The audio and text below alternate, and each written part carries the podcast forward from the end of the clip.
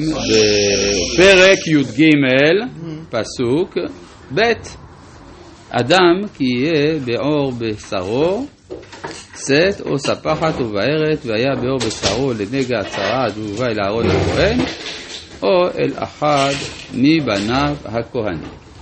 אז כל הנושא של הצרעת, אה, מחלה, שהמאפיינים שלה אה, מרובים, אין היום מחלה כזאת. יש מחלות עור שונות, שבכל אחת מהן יש חלק מן הסימנים. כך שאם אדם באופן תיאורטי יחלה בכל המחלות עור השונות בבת אחת, נוכל להגדיר את זה כצרעת.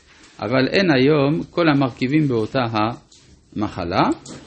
העיקרון הוא שזו מחלה בעורו של האדם. מה זה העור? העור זה הקשר בין האדם לבין החוץ. זה גם מה שחוסם את הקשר בינו לבין החוץ. כלומר, זה דו-ערכי. זה גם חיבור וגם ניתוק כאחד. ולכן, אמרו חכמים שהמחלה הזאת, המקור המוסרי שלה, זה חוסר, זה, זה כשל בין, ביחס בין האדם לבין החוץ, שזה בא לידי ביטוי בלשון הרע. זה לא הדבר היחיד, אבל זה מהדברים המרכזיים שיש קלקול ביחס החברתי, אז האור, שהוא היחס אל החוץ, הוא הנפגע. אור, אותן אותיות כמו המילה עיוור. עיוור, מה שחוסם את הראייה. במקום שבו יש פתח באור, שם נמצאים העיניים, שרואות את האור, באלף. והדבר הזה בעצם מתחבר אל ראשית הוויית האדם, בהיותו בגן עדן, כשלבש כותנות עור אחרי חטאו, בעוד שלפני כן לבש כותנות אור, באלף. איך יודעים שהוא לבש בכל זאת בכלל משהו? הרי כתוב, והיו שניהם ערומים. כן, אז סימן, סימן שאם הם היו ערומים, סימן שלפני כן היה להם משהו, הייתה להם כותונת. מה הייתה הכותונת הזאת? כותונת של אור. זאת אומרת שדרך גופו של האדם הוא יכול היה להשיג עניינים אלוהיים, מה שאין כן אחרי חטאו שהגוף מהווה חסימה בפני הדעת האלוהית והוא הופך להיות לכותונת עור. ו... האם זו מחלה שיכולה להיות אפילו אם אין בית המקדש? אתה שואל.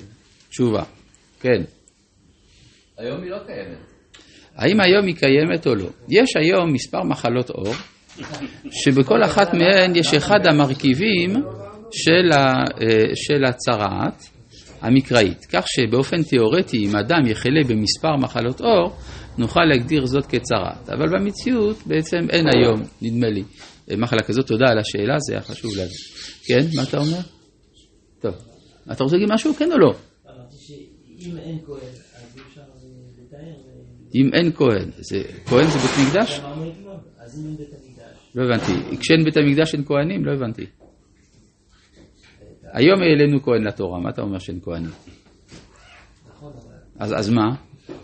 טוב, אה, עכשיו, מה שאני רוצה לומר, שיש גם עוד סיבות, ואם רואים במקורות השונים, מדרשים השונים, הסיבות של הצרעת, אני מצאתי בערך 11 סיבות שונות. כלומר, אם מקבצים מפה, משם, יש 11 סיבות. אחת התופעות זה כאשר האדם נפגש עם מה שמעבר למדרגתו. למשל, המקרה הידוע של עוזיהו מלך יהודה, שרצה להיות כהן גדול. הוא שינה את שמו מעוזיה לעזריה, כשמו של הכהן הגדול בימיו, ואמר, אני רוצה להקטיר קטורת לפני ולפנים. אמרו לו הכהנים, זה לא שלך, אתה מלך, אתה לא כהן גדול. לא שמע להם, נכנס להקטיר ונצטרה. עניין מצורע עד סוף ימיו, וזה בגלל שהוא נגע במה שמעבר לו. לכן גם הצבע הלבן המורה על טהרה, בעצם כאשר אדם מגיע למה שלא מגיע לו, אז זה הופך להיות טומאה. יש לנו עיקרון, אין לך דבר שאין לו מקום, אבל יוצא שדבר שיצא ממקומו, אז הוא באמת רע. זה, או למשל, הצהרת המוזכרת אצל משה רבנו, אצל משה וגם אצל מרים, כן, כאשר יש פגיעה במה שמעבר לחלקו, אז יש כאן צרעת. כן, הצרעת של אה, משה רבנו, אומר אה, הרב אשכנזי, זה בגלל שהוא אמר והן לא יאמינו לי. וכי צריך להאמין למשה, צריך להאמין לקדוש ברוך הוא. אז יש פה, אה, לכן נצטרה. יש בתרגום של המילה צרעת בעברית, בארמית, שני מילים, שתי מילים שונות. בדרך כלל, למשל בכל העניינים ההלכתיים כתוב סגירו, כן? צרעת מתורגמת סגירו. אבל במקומות מסוימים, למשל בצרעת של משה נקרא חיוורה. חיוורה, לשון לבן, סגירו מלשון סגור.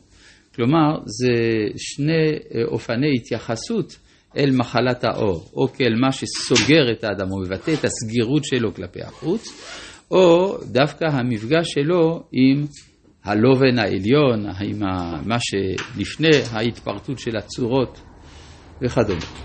עכשיו, מה שכדאי לשים לב, התורה כאן מדברת על מספרים, על, על אופנים שונים של צרעת. יש, אה, וגם הביטויים שבהם היא משתמשת הם ביטויים משתנים. לפעמים זה נקרא אדם, לפעמים איש, לפעמים בשר. כל אלה הם תיאורים של מצבים שונים של ההידרדרות המוסרית של האדם. יש הבדל בין אדם שחוטא פעם אחת לאדם ששונה בחטאו וכדומה, לכן גם הביטויים כאן משתנים. זה מתחיל מהצבע הלבן, אדם, וגם פה הביטוי של התורה בפסוק ב' זה אדם כי יהיה באור בשרו. האדם הוא האדם השלם, שעליו נאמר נעשה אדם בצלמנו כדמותנו. אבל זה עוד לא איש. איש זה מי שהשתמש בשכלו. כן, לכן יש ביטוי בספר תהילים, גם בני אדם, גם בני איש, יחד עשיר ואביון. יש מקורות שבהם משתמע שהביטוי אדם נעלה יותר מהביטוי איש, ויש מקומות שזה משתמע הפוך. אז השאלה אם אנחנו מדברים מצד הסגולה או מצד הבחירה. מצד הסגולה הביטוי אדם מציין משהו עליון יותר. אדם, כי יקריא, אה, אה, אה, נעשה אדם בצלמנו. אבל יש גם אדם במובן של הדמיון. אדם, מי שיש לו כוח המדמה, שזה פחות מהכוח השכלי הנקרא איש, מלשון אש, האש של השכל. פה מדובר על האדם שנפל לאן שנפל, לחטא כלשהו, מכוח ההתגברות של הדמיון בנפשו. אדם, כי יהיה באור בשרו, המילה בשרו בתנ"ך פירושה הגוף. המילה גוף שאנחנו משתמשים בה היום לא קיימת בתנ"ך. אין מילה כזאת. זה המקור של המילה גוף, זה בארמית. בארמית המילה גופה, אין פירושה גוף גם כן, פירושה עצם הדבר, כמו גופה דעובדה, גוף הדבר. אבל היום בעברית מודרנית, כדי להגיד גוף אומרים גוף. אבל אה, בזמן התנ"ך קוראים לזה בשר. למשל, ורחץ את כל בשרו במים, הכוונה כל גופו. למה התורה לא מקשרת באופן ברור את הצרעת לחטא? למה התורה לא מקשרת את ה, באופן ברור את הצרעת לחטא? מסיבה פשוטה, שזה לא תמיד בא חטא. למשל, הגמרא אומרת שזה גם תלוי במה אוכלים. אם אתה אוכל מאכלים מסוימים, אתה עשוי להצטרע. ואוכל מאכלים אחרים, זה מגן עליך מפני הצרעת. אז כנראה שזה לא רק בגלל החטא. תמיד השאלה הגדולה, האם אנחנו יכולים לקשר כל נפילה אה, ביולוגית של האדם לנפילה מוסרית. אז היינו רוצים, אבל זה לא תמיד. כן? זה הרב קוק אומר שזה חידה נעלמה, הקשר בין הסדר הסיבתי לבין הסדר המוסרי, שהוא לא תמיד גלוי. בסדר? לכן התורה גם לא מגלה. אדם כי, אבל אנחנו אומרים שהתורה מקדישה הרבה לנושא של הצרעת, הרבה פסוקים, זה יכול היה להיות בתורה שבעל פה, וזה נשאר בתורה שבכתב. וזאת כנראה משום שהצרעת הייתה מצויה בישראל באותם הימים. מצורע, מצרי, יש לזה כנראה קשר. משהו מטומאת מצרים דבק בצרעת, ולכן התורה אה, מעריכה בזה. אדם כי באור בשרו, שאת, שאת זה לבן, לבן כשלג, בוהק.